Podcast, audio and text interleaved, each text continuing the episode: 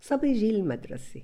الأم بتعاني من إنه بروح من المدرسة بتسأله إيش صار؟ شو في إشي صار معك بحكيش. طيب عليك واجبات؟ بحكيش. كل ما بتجرب إنها تستفسر من معلومات بشاركهاش. بينما هي بتلاحظ إنه بشارك غير أم هي وأبوه بشاركش. بس الباقي أي حدا بشارك. وهي مزعوجة كتير وصارت كتير تعبانة من إنه ليش بشاركهاش؟ وشو في مشكلة؟ شو الحل؟ أنا كيف شايفة الحل كتير هوين.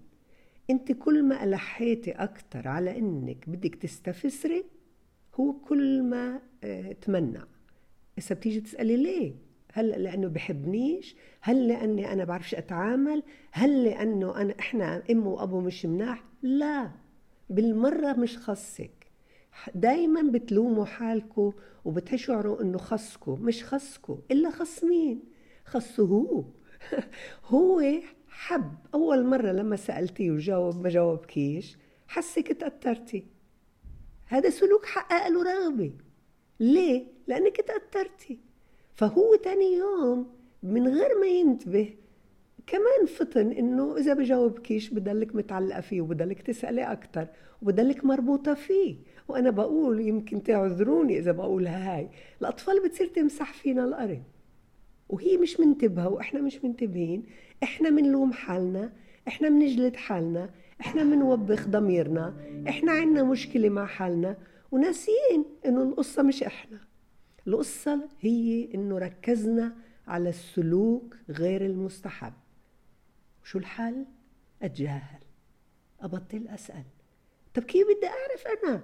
أنا بحب أعرف. ما أنت عمالك بتستخدمي هذا الأسلوب ومش عم تعرفي. طيب خلينا نروح لأسلوب تاني.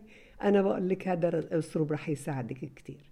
لما تتجاهلي وتعملي على إنه الإشي طبيعي وبس يدخل تمدحيه تضحكي معه. انت تحكي له شغلات اللي بتحبي انك تشاركي فيها. تكوني طبيعية مش أكتر من هيك. وبدي إياكي كمان إشي تاني يمكن يساعدك. حاولي تتذكري إنك انت كتير مرات إذا حدا بحب يحقق معك بتحبيش تجاوبيه ليش أنتوا بتنسوا لما أنتوا كنتوا أطفال أو لما أنتوا أسا بهاي التجربة؟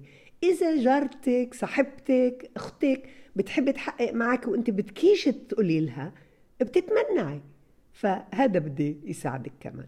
ولإله حتى يتطور بشخصية سوية غير إنك أنت تكوني طبيعية وغير إنك أنت تتجاهلي وما تجربي تحققي معه. ولما يحكي تعملي حالك حتى بإنك عم تسمعي بس مش واو بلش يحكي لي. بدي أغير طريقتي. لا عمله بحكي جعبله يحكي. أنت بتكوني إذا عم تقري كتاب ممكن إنك تكملي تقري. إذا كانه حابب إنه إياك تنتبهي تحطي الكتاب على جنب. إذا كنت عم تشتغلي بالمطبخ بتكملي تشتغلي. إذا كنت قاعدة ومبسوطة وعم تشربي آه، السخن تبعك خليكي طبيعية. ما ما تغيريش من أسلوبك. وبدي أنا كمان أربيه حتى إنه يكون شخصيته سوية سعيدة لأنه هذا هدفنا. أوفر له بيئة عقلية. جسمانيه عاطفيه يعني مواهب هوايات إيش بحب.